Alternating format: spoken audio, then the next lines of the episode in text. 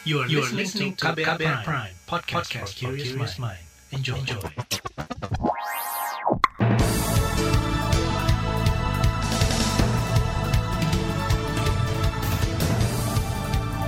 Selamat pagi saudara, senang sekali kami bisa menjumpai Anda kembali melalui program Buletin Pagi edisi Senin 9 Agustus 2021 bersama saya Fitri Anggreni.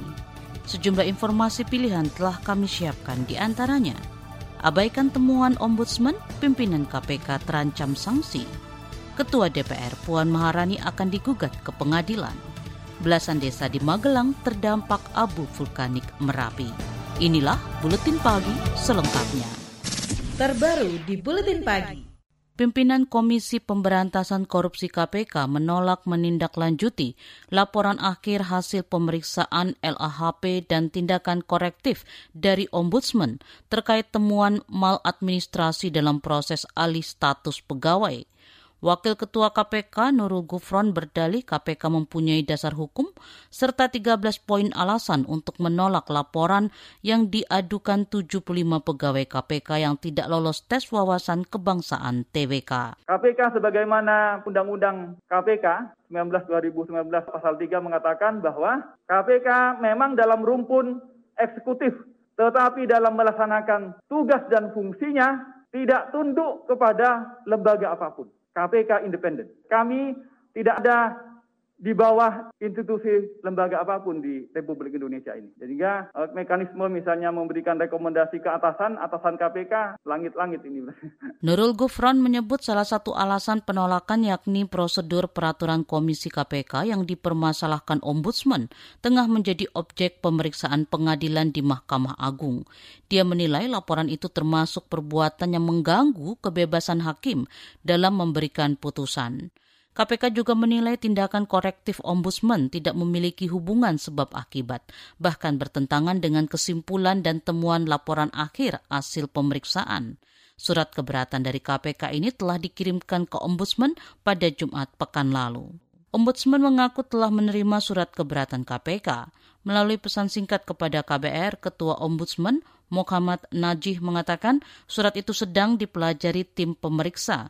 Rencananya Ombudsman akan memberikan tanggapan resmi pada hari ini atau besok. Sebelumnya Ombudsman menemukan maladministrasi pada proses alih status pegawai KPK menjadi ASN.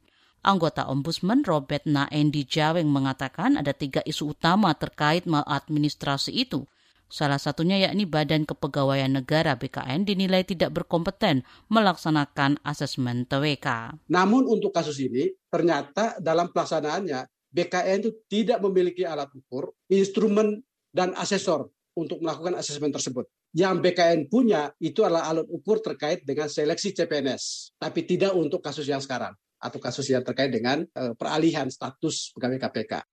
Ombudsman memberikan empat catatan dan tindakan korektif atas temuan maladministrasi tersebut. Salah satunya yakni hasil TWK hendaknya menjadi bahan masukan untuk langkah perbaikan, sehingga tidak serta-merta dijadikan dasar memberhentikan pegawai yang tidak memenuhi syarat pakar hukum hak azazi manusia dari Universitas Airlangga Surabaya, Herlambang Wiratraman mendesak Presiden Joko Widodo turun tangan jika KPK tidak menindaklanjuti laporan akhir dari Ombudsman.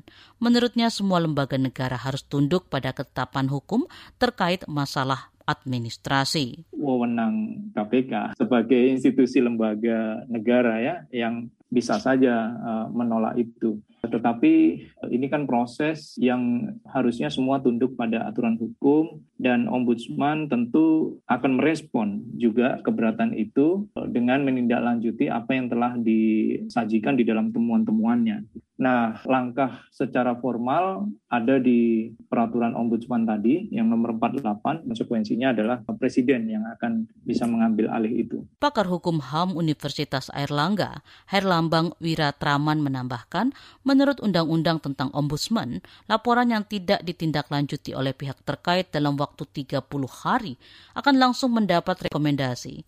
Rekomendasi itu harus dijalankan maksimal dalam waktu 60 hari.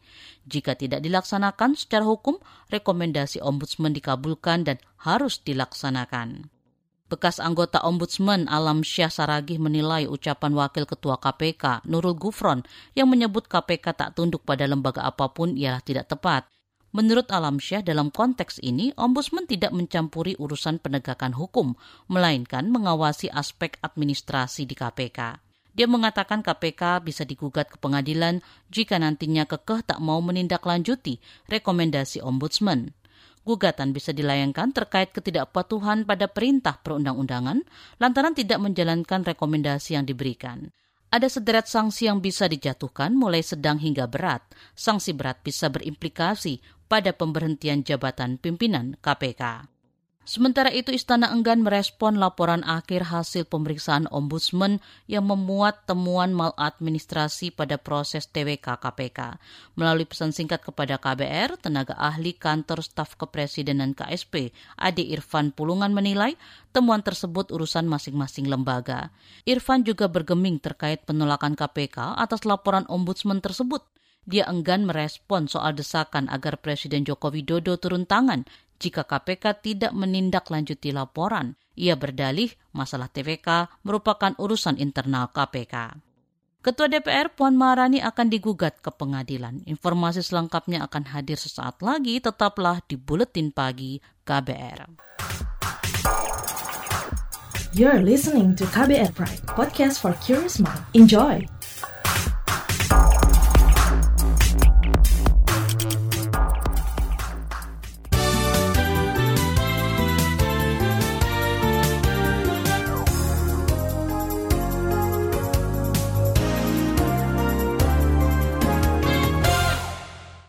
Presiden Joko Widodo memerintahkan jajarannya segera bertindak cepat menghadapi pergeseran tren kenaikan kasus COVID-19. Menurut Jokowi, kasus corona di luar Jawa Bali menyumbang lebih dari 50 persen kasus nasional pada bulan ini. Angka ini meningkat dari bulan lalu yang berkisar 30-an persen. Per 1 Agustus itu naik menjadi 13.589 atau 44 persen dari total kasus baru secara nasional. Dan per 6 Agustus naik lagi ke angka 21.374 kasus. Ini sudah 54 persen dari total kasus baru secara nasional. Presiden Joko Widodo menyebut ada lima provinsi dengan kenaikan kasus yang cukup signifikan di awal bulan ini, yakni Sumatera Utara, Sumatera Barat, Riau, Kalimantan Timur, dan Papua. Jokowi menginstruksikan kepala daerah beserta Polri dan TNI memperketat, memperluas, dan mempercepat pelaksanaan tes dan pelacakan. Jokowi juga meminta pengendalian mobilitas masyarakat dan penyediaan pusat-pusat karantina bagi para pasien. Isu korupsi menjadi hal yang paling memprihatinkan menurut masyarakat dari sejumlah permasalahan bangsa yang tengah dihadapi saat ini. Direktur Eksekutif Lembaga Survei Indonesia LSI Jayadi Hanan menyebut isu korupsi berada di peringkat pertama dari enam kategori yang ada. Peringkat kedua dan seterusnya yakni isu lapangan kerja, pertumbuhan ekonomi, kerusakan lingkungan, demokrasi, dan perubahan iklim. Masyarakat kita secara umum memang e, menunjukkan keprihatinan yang paling tinggi terhadap isu-isu atau masalah korupsi dan terhadap isu ekonomi, yaitu dalam hal ini terutama adalah lapangan kerja dan pertumbuhan ekonomi. Direktur Eksekutif LSI Jayadi Hanan menjelaskan paparan itu berdasarkan survei menggunakan kontak telepon kepada 1.200 responden secara nasional serta tambahan sampel di empat provinsi yakni Sumatera Utara, Jawa Tengah, Kalimantan Timur, dan Sulawesi Utara, masing-masing 400 responden. Batas kesalahan sekitar 2,88 persen dan 5 persen di empat provinsi tambahan. Masyarakat Anti Korupsi Indonesia Maki akan menggugat Ketua DPR Puan Maharani ke Pengadilan Tata Usaha Negara PTUN Jakarta. Gugatan diajukan terkait seleksi calon anggota Badan Pemeriksa Keuangan BPK. Koordinator Maki, Boyamin Saiman menduga dua calon yakni Nyoman Adi Suryatnyana dan Hari Z Suratin tidak memenuhi persyaratan sebab dalam dua tahun terakhir keduanya masih menduduki jabatan di Kementerian Keuangan. Atas uh, pelanggaran atas pasal itu, karena tidak memenuhi syarat tersebut, maka rencana saya akan mengajukan gugatan ke PT UN terhadap surat Ketua DPR yang ditandatangani Ibu Puan Maharani yang mengirimkan 16 orang tersebut kepada Dewan Perwakilan Daerah untuk juga dilakukan seleksi di DPD. Koordinator Maki Boyamin Saiman mempersoalkan syarat tentang minimal 2 tahun tidak menduduki jabatan keuangan negara Hal itu untuk menghilangkan konflik kepentingan dari yang bersangkutan karena dulu mengelola anggaran, sebab PPK harus menjalankan fungsi sebagai lembaga independen. Pada Juli lalu, Ketua DPR Puan Maharani menerbitkan surat Ketua DPR kepada pimpinan DPD tentang penyampaian nama-nama calon anggota BPK berisi 16 orang. Pengangkatan bekas koruptor Emir Muiz sebagai komisaris BUMN PT Pupuk Iskandar Muda menuai kritik dari kalangan legislatif. Ketua Dewan Pimpinan Pusat Partai Keadilan Sejahtera PKS Mardani Alisera menilai pemerintah tidak berpihak pada upaya pemberantasan korupsi di tanah air.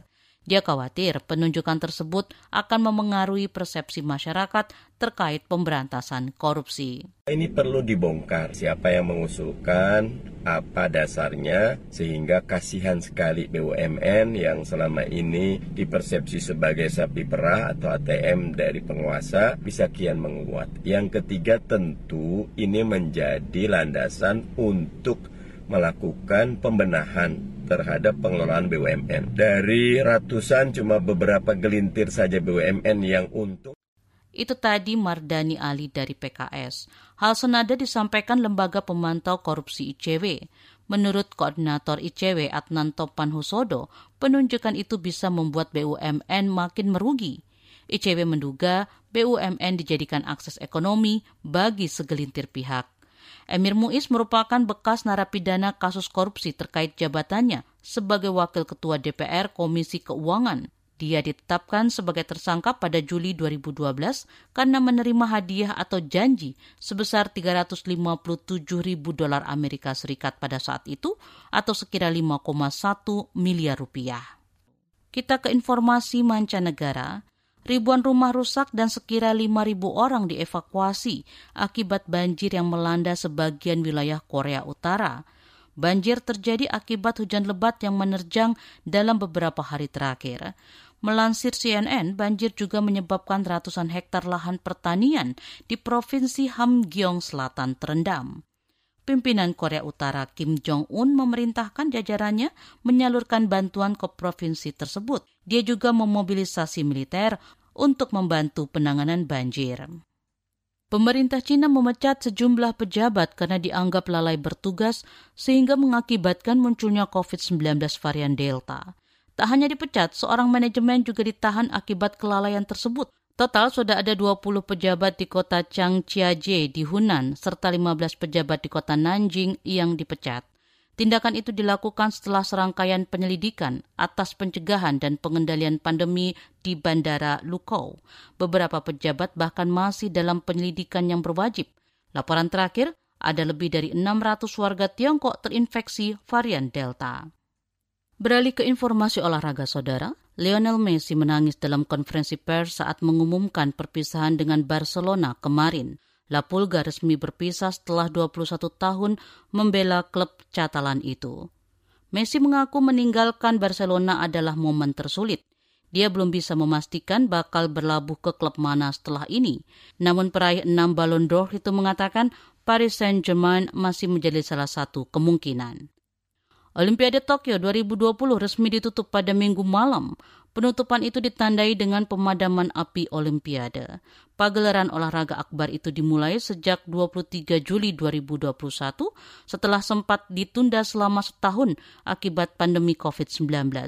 Hasil akhirnya, Amerika keluar sebagai juara umum dengan torehan 39 emas, 41 perak, dan 33 perunggu. Disusul Cina dan tuan rumah Jepang di posisi ketiga. Sementara Indonesia berada di posisi ke-55. Di bagian berikutnya kami hadirkan laporan khas KBR mengenai isolasi terpusat mampukah mencegah kematian pasien COVID-19? Tetaplah di Buletin Pagi. You're listening to KBR Pride, podcast for curious mind. Enjoy!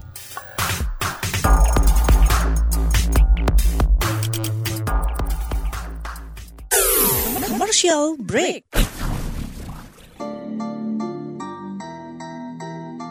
Come on yo, buat yang sukanya berhoax, you better listen to this one. Check this one out yo. Hati-hati kalau baca kabar. Hoax, Jangan langsung disebar kabar yang hoax, Kalau mau tahu kabar benar atau hoax, Dengerin cek fakta yang pasti bukan hoax, Dengerinnya setiap Senin yang jelas bukan hoax. Cuma ada di kbrprime.id. Dan aplikasi podcast lainnya Hoax, Sudah cukup-cukup hoaxnya? hoax, Cukup Jaga emosi, tahan jari, verifikasi sebelum dibagi. Saya Ari Bowo Sasmito, Ketua Komite Pemeriksa Fakta Mafindo. KBR Prime, podcast for curious mind.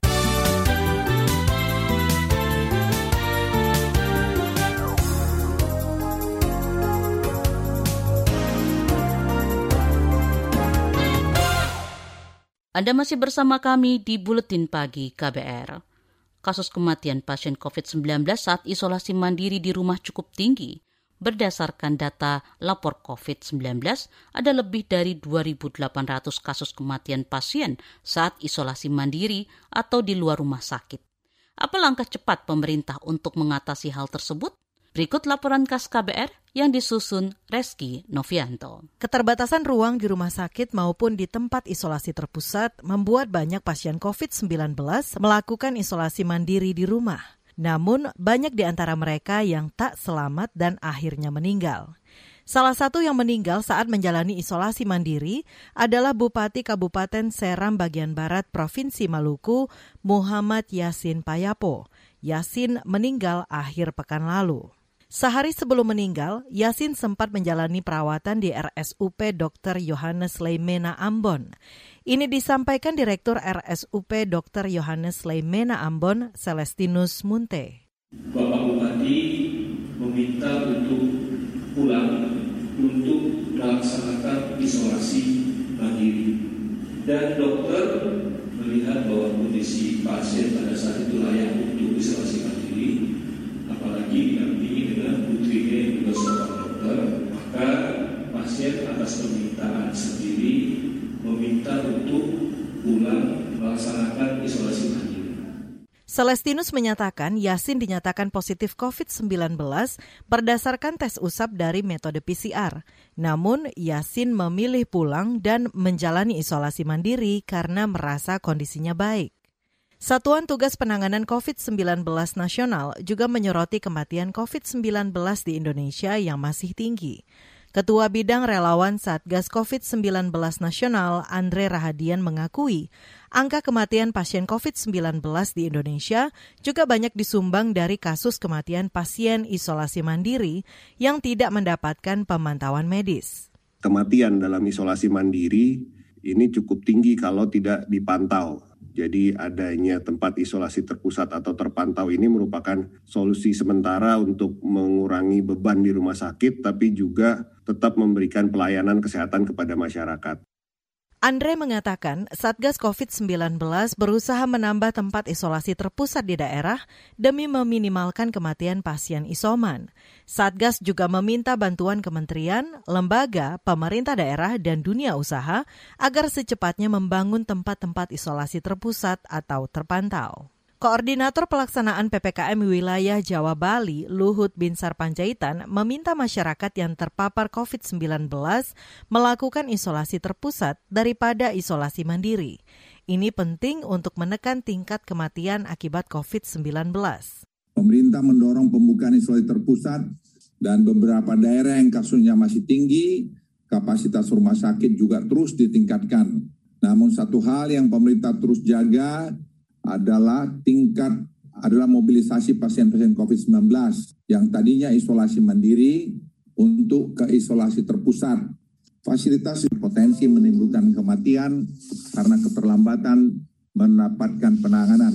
Luhut memastikan tempat isolasi terpusat sudah dilengkapi tenaga medis seperti dokter, perawat, hingga layanan oksigen, obat-obatan, dan konsumsi pasien yang disediakan gratis.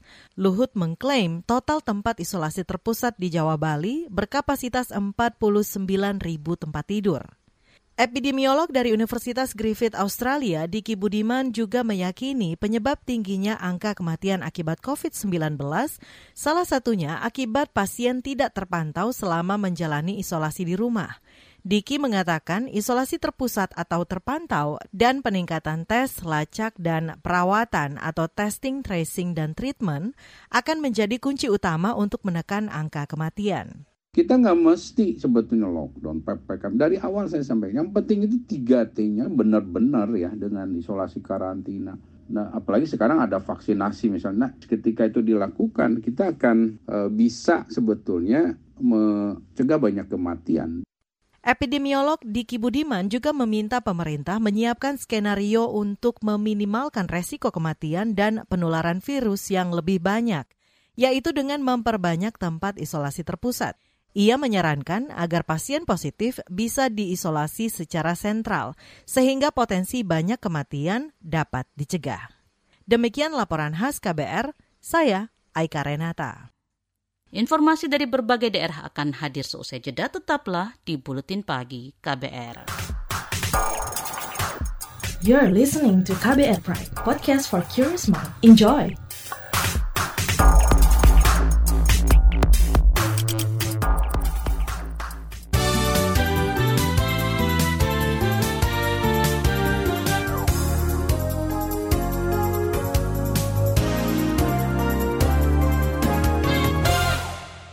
Inilah bagian akhir Buletin Pagi KBR.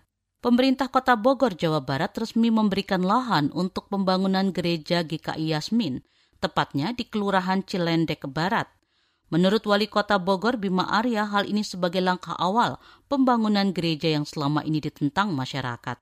Dia berjanji bakal mengawal dan memastikan keamanan para jemaat dalam menjalankan ibadahnya. Jadi dokumen ini seperti yang disampaikan tadi bukan proses akhir. Dokumen IMB ini insya Allah adalah bagian dari ikhtiar terus menerus dari kita semua untuk merayakan keberagaman, untuk memberi penghormatan kepada hak-hak asasi manusia, untuk memuliakan hak untuk beribadah untuk semua agama dan kepercayaan tanpa terkecuali.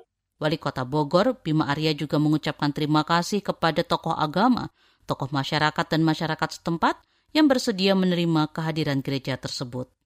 Polemik pendirian gereja KKI Yasmin Bogor telah berlangsung sejak 2008. Saat itu keberadaan gereja ditolak sebagian masyarakat Kelurahan Curug Mekar.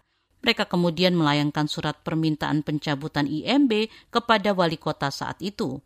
Padahal pihak GKI Yasmin telah mengantongi IMB sejak 2001. Kita bergeser ke Jawa Tengah, belasan desa di Kabupaten Magelang terdampak abu vulkanik Gunung Merapi. Sejak dini hari kemarin, Merapi memuntahkan rangkaian guguran awan panas yang mengakibatkan hujan abu di sejumlah lokasi. Pelaksana Badan Penanggulangan Bencana Daerah BPBD Jawa Tengah, Syafrudin mengatakan, 13 desa itu tersebar di empat kecamatan, yakni Sawangan, Dukun, Candi Mulyo, dan Tegal Rejo. Kalau hujan abunya, kebetulan saya masih ingat di Februari itu ke arah justru di luar KRB 3 di wilayah Boyolali. Kalau sekarang kan masih di KRB 3. Hari ini khususnya di ada 13 desa, ada empat kecamatan yang terdampak uh, abu vulkanik ya di Kabupaten Magelang karena arah anginnya lebih banyak ke barat, ke, di Boyolali sedikit gitu. Syafruddin menambahkan belum ada evakuasi warga lantaran belum ada rekomendasi dari Balai Penyelidikan dan Pengembangan Teknologi Kebencanaan Geologi BPPTKG. Meski begitu, BPBD mengimbau masyarakat di sekitar Merapi untuk terus waspada. BPBD dan BPPTKG akan terus memberikan rilis kondisi terkini Merapi ke masyarakat. Saat ini status Merapi masih di level 3 siaga. Kita beralih ke Papua. TNI Polri mengklaim telah menyiapkan pasukan untuk melaksanakan pemungutan suara ulang pemilihan bupati dan wakil bupati Yalimo, Papua. Kerusuhan sempat pecah akhir Juni lalu di Yalimo usai Mahkamah Konstitusi memerintahkan Komisi Pemilihan Umum setempat untuk melakukan pemungutan suara ulang. Melangsir antara Komandan Korem Prajawi Yayakti Jayapura Izak Pangemanan menegaskan siap mengawal jalannya pemungutan suara ulang di Yalimo. Dia berharap pemerintah Provinsi Papua dan Pemkap Yalimo bisa menggandeng tokoh agama dan tokoh adat setempat untuk menenangkan masyarakat. Kata dia, upaya perdamaian perlu segera dilakukan. Informasi tadi saudara menutup jumpa kita di Buletin Pagi hari ini. Pantau juga informasi terbaru melalui kabar baru, situs kbr.id, Twitter kami di akun @beritaKBR serta podcast di alamat kbrprime.id. Akhirnya saya Fitri Anggreni bersama tim yang bertugas undur diri. Salam.